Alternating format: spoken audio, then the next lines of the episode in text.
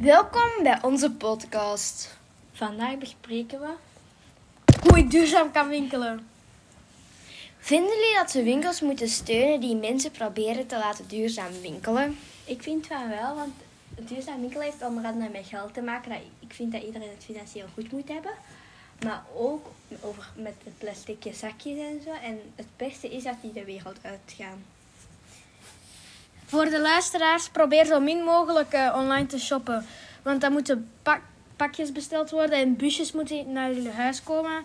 En eh, dat is, auto's zijn slecht voor het klimaat. Weet je dat 60% van de kledingbestellingen wordt teruggestuurd? De meeste teruggestuurde kledingpakjes worden verbrand omdat, de, omdat dat goedkoper is dan terug, terug in te pakken en te verzenden. Daardoor gaat er, gaat er veel kleding verwijderen.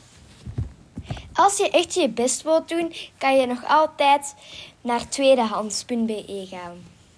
Niet alleen kleding kun je duurzaam kopen, maar, een simp- maar ook eten kun je eh, duurzaam kopen. Simpel voorbeeld, Jona Gold en Pink Lady zijn appelmerken.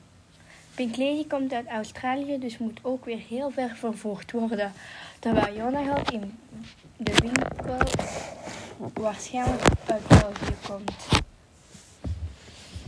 Wist je dat er in België 2700 hectare Jonagold is? En dat is goed voor 108.000 ton.